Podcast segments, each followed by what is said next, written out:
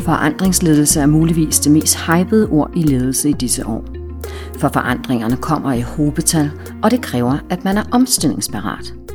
Men hvordan kan man som leder lede disse forandringer? Hvordan gør man medarbejderne trygge? Hvad er egentlig ens rolle som mellemleder? Og hvordan kan man overhovedet skabe forandringer, når det hele forandrer sig konstant? Det er her, hvor planlægningens paradoks kommer ind, siger organisations- og ledelseskonsulent Hanne Molke. Vi skal trække vejret, vi skal tænke os om, og vi skal huske, at medarbejderne også skal have tid til at vende sig til forandringerne. Ellers risikerer forandringerne at blive parkeret i nærmeste skuffe. Du lytter til F5 Fokus. Mit navn er Elisabeth Hammerik Schwartz. Hanne Molke, hvad er forandringsledelse egentlig? Ja, mange taler jo om forandringsledelse, og det er en del af utrolig mange kurser og projektlederkurser og lederkurser. Og øh, alting, når man bliver ansat i forskellige lederjobs, skal man også være i stand til at lede forandringer. Og det er jo noget sjovt noget, at vi taler om forandringsledelse. Det er jo ligesom ud fra en eller anden forståelse af, at forandringer er noget midlertidigt, eller noget, der er mellem to stabile perioder. Og jeg tror, vi alle sammen efterhånden godt ved, at på en eller anden måde går udviklingen så hurtigt, at øh, der er ligesom ikke rigtig nogen stabile perioder. Der er kun evig forandring. Så på den måde er i virkeligheden al ledelse er faktisk forandringsledelse. Øh, også folk, der arbejder i driftjobs, kan man sige, der er der jo hele tiden vilkår, der forandrer sig. Der kan være rekrutteringsproblemer, der kan være problemer med at levere den kvalitet, der skal være til stede. Der kan være øh, nye ting, der sker, som folk skal uddannes til. Så der er jo ikke noget, der bare er drift, eller som bare er stillstand. Al ledelse er faktisk, eller bør være, tænkt som forandringsledelse. Det kunne jeg godt forestille mig, at der er mange medarbejdere, som ikke er særlig trygge ved. Hvordan får man som leder medarbejderne med? Ja, altså jeg tænker, der øh, tit skal man jo tit skal man jo være, lade være med at træffe, kan man sige, beslutninger om forandringer i et alt for lukket rum. Altså i mange organisationer er det jo sådan, at dem, der er allermest opmærksom på, at tingene forandrer sig, eller det ved jeg ikke om de er mest, men dem, der skal være opmærksom på, at verden forandrer sig, det er jo topledelsen, der altid skal sørge for, at organisationen holder sig relevant. Der skal man ligesom navigere i et marked eller et offentligt setup, hvor man holder sig relevant, ellers er organisationen der jo ikke længere. Og derfor skal man jo også sørge for nogle gange at sige, skal vi tilpasse os det, der er kravene fra borgerne, fra brugerne, fra kunderne eller konkurrenterne. Øh, og så vil man træffe nogle beslutninger, man vil lægge nogle nye strategier, og man har nogle ønsker om at komme steder hen. Og det er jo der forandringer typisk starter, kan man sige. Og så sker der jo tit det, at man sætter sig ind et sted og laver noget strategi i en topledelse. Og så er der noget, der ligesom sådan ved det, man kalder en klassisk vandfaldsmodel, skal implementeres ned af trapperne eller lagene i organisationen. Og det giver jo tit store udfordringer. Altså al forskning viser, at meget få, skal man sige, større øh, strategiforandringer bare implementeres en til en i forhold til, hvad der har været tænkt. Og det er jo fordi, at dem, der sidder i topledelsen, jo ikke altid helt har berøring med, hvad sker der ude i det, man så smukt kalder frontlinjen. Hvad sker der ude hos den, den menige medarbejder, eller den, der har kontakt med kunder eller borgere? De ved jo mere om noget andet. Og så imellem det er der så tit nogle mellemledere på forskellige niveauer. Og man kan sige, det der med at, at sidde og lave en forandring færdig, eller tænke, at man kan tænke en forandring eller en strategi færdig, det er en lidt gammeldags tankegang, som jeg efterhånden også tror er ved at være luet ud forskellige steder. Øh, fordi det handler jo om, at man på en eller anden måde skal tale den retning frem, man gerne vil i, og så skal man så at sige indhente bud fra organisationen på, hvordan kunne det foregå. Så man kan sige, at strategier skal i virkeligheden mere bestå af, hvad man gerne vil, og så skal man i dialog med organisationen om, hvordan det skal ske. Det er den måde, hvor man kan få folk med på. Øhm, og så tænker jeg også, at der er rigtig meget brug for, både hos topledelser og andre ledelser, at der er brug for en procesbevidsthed. Fordi i forhold til, altså ingen af os kan egentlig lide forandringer. Vi kan bedst lide de forandringer, vi selv finder på. De kan kun gå for langsomt. Men alle synes jo, det er svært at lave om på sig selv. Og det er det jo, fordi at når vi skal lave noget nyt, så kommer vi ind i det, nogen kalder zonen for øh, reduceret kompetence. Så skal vi lave nye ting på måder, vi ikke har prøvet før. Og det er der ingen af os, der særlig bryder os om. Det er derfor, det er så svært at forandre. Og derfor skal man som ledelse altid i forandringer, eller altid, man skal ofte i forandringer tænke, vi skal gøre tiden til vores ven, og vi skal strække forandrings, beslutningsprocessen om forandringen ud i tid, sådan at vi starter med at lægge en plan frem for, vi vil gerne et andet sted hen. Vi vil holde en række øh, nedslag, hvor vi informerer, hvor vi involverer, hvor vi sikrer, at alle dele af organisationen på en eller anden måde kan sige noget om, vil det her være en fordel? Vil det her spænde ben for noget af det, vi laver? Hvordan kunne vi tænke det smartere? Og det med at lægge sådan en proces ud, som gør, at man ved som medarbejder eller som mellemleder, hvordan man bliver involveret, hvornår man bliver informeret, hvornår man selv kan få lov at tænke sig om de samme tanker, som den øverste ledelse måske har siddet og tænkt, da de har opfundet nødvendigheden eller opfundet forandringen, fordi den var nødvendig. At man på en eller anden måde skal sikre, at det bliver strukket ud i tid, sådan at man kan nå at få indvendingerne, kritikken, tankerne rundt om det med. Det lyder lidt som om, at øh, det her med tid er ret essentielt. Um, men ofte så, øh, så, netop som du siger, så går forandringerne lynhurtigt. Ja. Hvordan kombinerer man de to ting? Jamen, forandringerne går jo lynhurtigt på den måde, at de tit bliver besluttet lynhurtigt, men ikke implementeret lynhurtigt. Så man kan lidt vælge, vil man bruge tiden inden på klogt, så at sige, at planlægge forandringen, eller begynde at lave små ting, uden at have tænkt det hele igennem, sådan at man kan få justeret undervejs? Eller vil man tage en stor beslutning, finde på det hele, og så se på, at det ikke bliver til noget? Altså det er ligesom det valg, man har, eller det i hvert fald ikke bliver til noget øh, en til en, som man havde besluttet det. Så jeg tror lidt, man kan vælge, vil man investere tiden i at øh, hente kloge øh, ting ind undervejs, og få folk med i beslutningerne, også dem, der ofte er klogest til at sige, hvordan vil det være smart at gøre det her. Øh, vil man investere det ligesom undervejs i forandringen, eller vil man beslutte forandringen, og så investere det i at reparere, så at sige, på de frustrationer og den modstand, der så givetvis opstår. Hvilken fejl ser du oftest blive begået? Um, jamen, altså, ja, vi har jo, vi har jo altså, topledelser og mellemledere, når vi er samlet og diskuterer, hvordan noget kunne være anderledes, så har vi jo alle sammen, eller mange af os, en tendens til at gå i løsningsmode. Så tænker vi lige, det, nu finder vi en god løsning, så er det det, vi beslutter. Og det er der, hvor man ligesom skal lige holde hesten lidt og sige, øh, det her vil være noget, vi kunne beslutte, men vi beslutter det ikke, fordi der er nogle andre, der skal høres inden. Det kan være, at vi skal have kunde- eller borgerperspektivet ind. Det kan være, at vi skal have perspektiver fra forskellige dele af organisationen ind. Det kan være, at vi skal lave nogle andre undersøgelser, inden vi lige hopper i løsningsmode. Og vi har alle sammen den der tendens til at lukke til for hurtigt. Så det der med lige at holde åbent og se, hvem skulle vi ellers lige involvere? Hvem skulle vi høre? Dem, som jo skal løbe forandringen hjem, de skal jo ind over, fordi de skal jo også gerne ville det. Det, der sker, når man beslutter alt for hurtigt, det er jo, at folk sidder lidt mere med korslagte arme, for de føler ikke, at de er blevet involveret. Hvilken rolle spiller mellemlederne i det her? Altså mellemlederne spiller jo en helt vanvittig vigtig rolle i alle, kan man sige, større forandringsprocesser.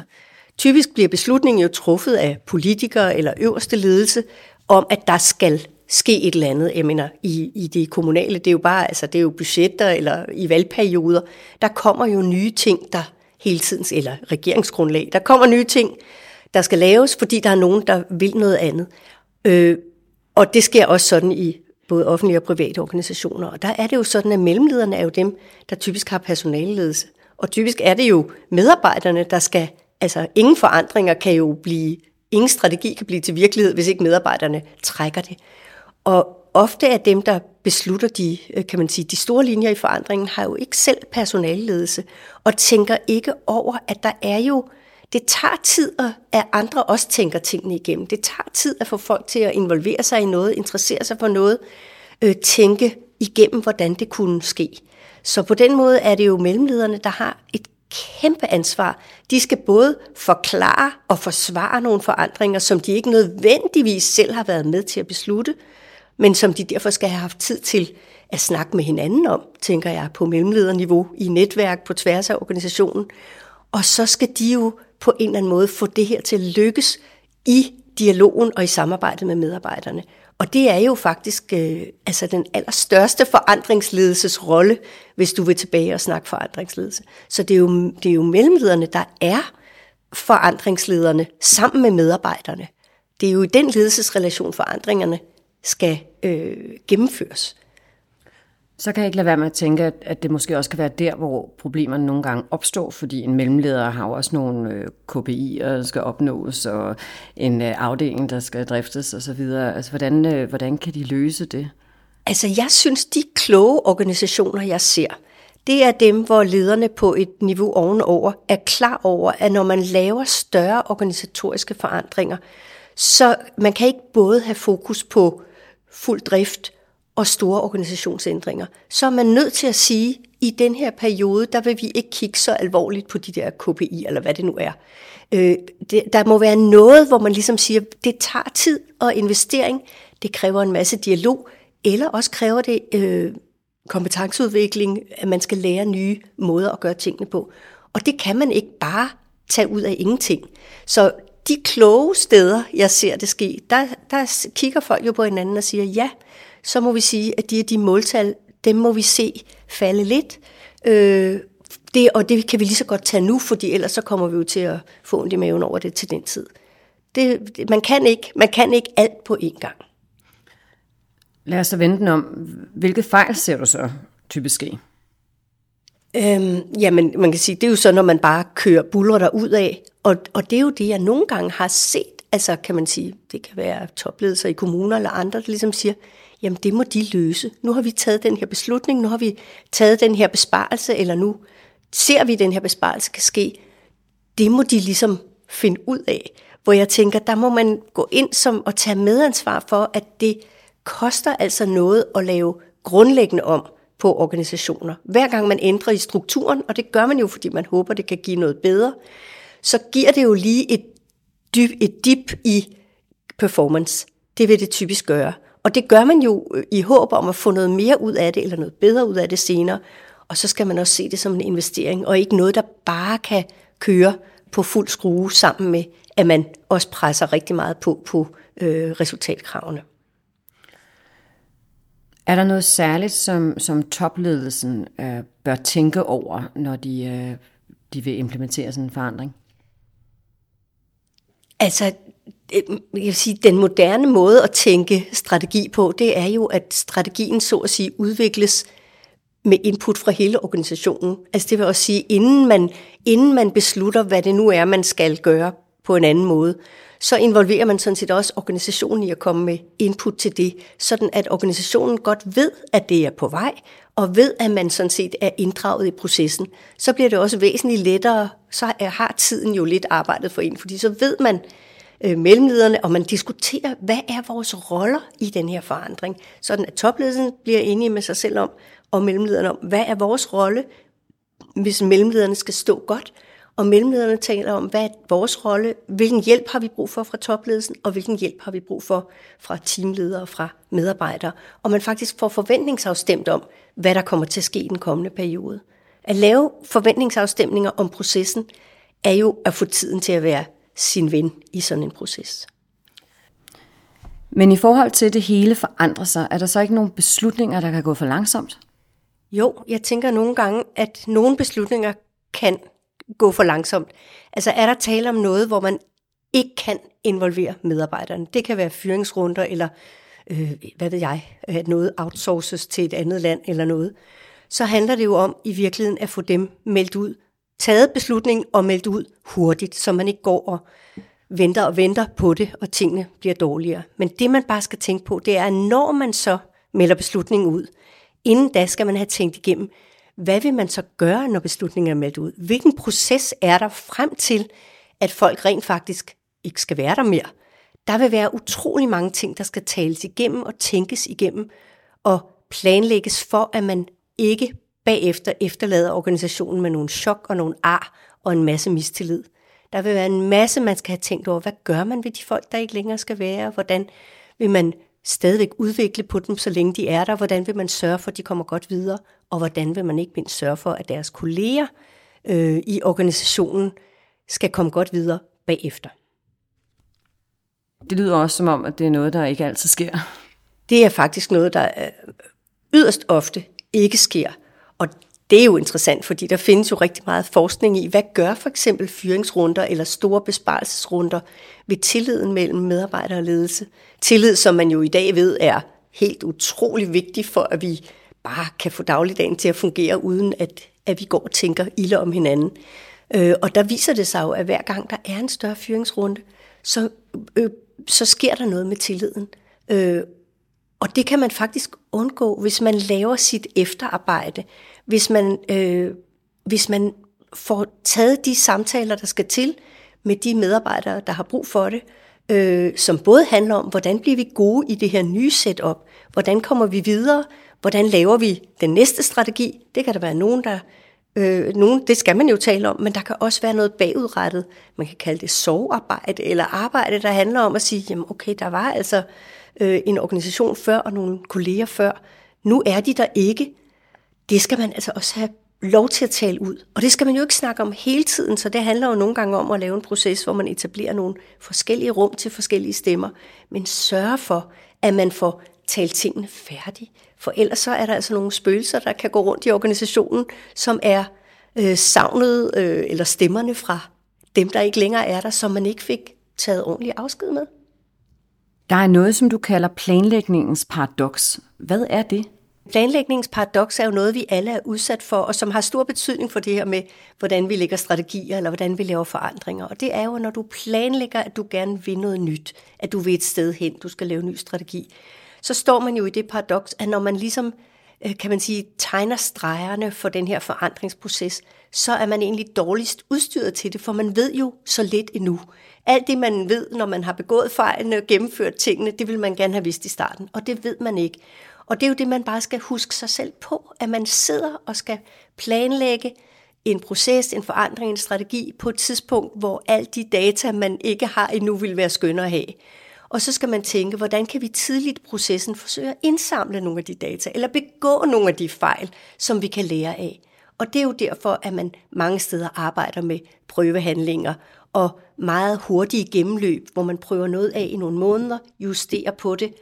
Og det er jo også noget af det, der giver tryghed i organisationer, at man faktisk kan justere, hvis man finder ud af at nogle af de beslutninger, man har truffet, faktisk fører dårlige steder hen, at de så kan justeres for ikke at føre til uretfærdighed eller virkelig dårligdomme i organisationen. Og det er jo bare derfor, man skal huske på, det, at når man træffer nogle af de store beslutninger, har man ikke den viden, man burde have. Og det kan man ikke have. Men derfor skal man bare blive ydmyg i forhold til at træffe de der meget øh, faste beslutninger om, hvordan en forandring præcis skal udforme sig. Nogle gange ser man jo virksomheder sige, at vi har den her 2030-strategi. Øhm, men når man implementerer sådan en strategi i en organisation, så risikerer man jo også faktisk, at mange af de ledere, som var med til starten, er væk, når man kommer så langt, eller bare kommer et par år hen. Øhm, hvordan, altså er det overhovedet klogt at, at lave nogle så lange strategier? Jeg vil jo mene, at det, der er allervigtigst for, at en organisation kan fungere, det er, at man nogenlunde er enige om retningen. Altså, det behøver ikke at være en strategi med helt præcise tal og ting, men det er man nogenlunde er enige om retningen, og det kan være, at 2030-strategien går ud på, at vi skal justere retningen. Nu har vi måske været en organisation, der i særlig grad skulle arbejde på den og den måde. Altså der kan for eksempel øh, hele, hele ældreområdet eller børneområdet kan jo være eksempler, hvor man i lang tid jo nu har, har sagt, øh, at vi skal gå over til at arbejde med rehabilitering og brug af ældres egne styrker, eller hvad ved jeg. Øh, det det jo, har jo været en, kan man sige, en, en ændring, man har foretaget. Og det vil jo være super vigtigt at arbejde langsigtet med sådan en strategi. Øh, men den er jo ikke i alle detaljer øh, udformet, når man laver den. Men det må den så blive undervejs. Så jeg vil jo mene, at det der med, at hele organisationen altid ved, nogenlunde, hvad er retningen? Hvad er det, vi er her for? Hvorfor er det vigtigt, at vi er her? Øh, og selvfølgelig, at man så også løbende sætter sig nogle mål, fordi ellers ved man jo ikke, om man lykkes, og det har vi alle sammen brug for. Og det tænker jeg er meget vigtigt i strategiarbejde, at man hele tiden har, at alle har styr på retningen, styr på de kommende mål, så der kan evalueres, gives feedback, arbejdes med at komme, at blive dygtigere, fordi i det offentlige skal vi jo arbejde godt for skatteborgernes penge, i det private har man nogle andre, men man skal jo hele tiden oppe sig Og det er jo fordi verden ikke står stille. Og det er jo derfor, der hele tiden er forandringer, selvom vi ikke nødvendigvis ser dem fra dag til dag. Så for at bruge et fortærsket udtryk, så, så skal vi være mere agile. Ja, i virkeligheden handler det jo om det der med, at, det man siger, indlægge mange, hvad kan man sige, iterationer. Altså det der med, at man, man tager snakkene mange gange, man evaluerer mange gange. Det er jo også meget moderne, kan man sige, at arbejde med det, man kalder prøvehandlinger. Nu vil vi gerne derhen. Vi laver en prøvehandling. Vi laver ikke kæmpe store case-studier og business cases. Vi laver en prøvehandling. Nu arbejder vi med det et stykke tid, så evaluerer vi det, så justerer vi det. Det er med hele tiden at justere med input fra dem, der rent faktisk står med det. Det er jo noget, der giver både trygge og glade medarbejdere og tilfredse organisationer, når alle oplever, at de har noget at skulle have sagt i forhold til det, der berører deres eget arbejde. Nogle gange ser man jo virksomheder have en nulfejlskultur. Ja. Øhm, det tænker jeg også øh, er lidt problematisk, hvis det er, at man godt vil skabe nogle forandringer, for der skal vel også være plads til at fejle undervejs. Jamen absolut. Det, det jo handler jo grundlæggende om det der med tillid og tryghed, vi talte om. Fordi i virkeligheden er det jo, det er jo godt, hvis man kan drøfte fejl åbent. Og hvis man har en, en angstkultur, så vil man jo forsøge at skjule fejl. Det er der jo også lavet ufattelig meget forskning i, at ting er jo blevet, øh, ting er jo blevet ikke fortalt, og der er sket katastrofer i organisationer, fordi folk ikke har turde sige, at de havde noget kritik, eller der var blevet begået en fejl. Hele den her store dialog om psykologisk tryghed, som Amy Edmondson står for, øh, handler jo om, at vi skal kunne tale om det, vi ikke kan finde ud af. Vi skal kunne få feedback, også når vi begår fejl. Vi skal kunne drøfte vores fejl som en læring. Det er jo vejen frem, kan man sige. Det er okay at begå fejl. Det er jo ikke okay at blive ved at begå den samme fejl. Og det bliver man jo ved med, hvis ikke man kan drøfte det. Og det er jo derfor, at tryghed og tillid er så vanvittigt vigtigt. Og der har mellemlederen jo igen en kæmpe rolle. Men mellemlederen kan jo ikke bare gå og sprede tryghed og tillid i organisationen, hvis der så at sige er nogle øverste ledelseslag, som ikke giver mellemlederen selv tryghed og tillid og har mellemlederens ryg, når der bliver begået fejl i mellemlederens organisation. Så det handler jo om at have den der tryghed og tillid hele vejen, og samtidig selvfølgelig holde hinanden op på, at vi skal jo lykkes med de opgaver, vi laver. Så vi skal ikke begå fejl, men vi kan ikke lade være at begå fejl. Det gør vi hele tiden. Men det er jo ikke det, er jo ikke det der skal være forrest, så at sige, på agendaen. Øh, så vi skal jo lykkes med hele tiden at blive gode, men vi skal sørge mig, jeg mener, alle begår hele tiden fejl. Hanne Molke, tak fordi du kom. Selv tak.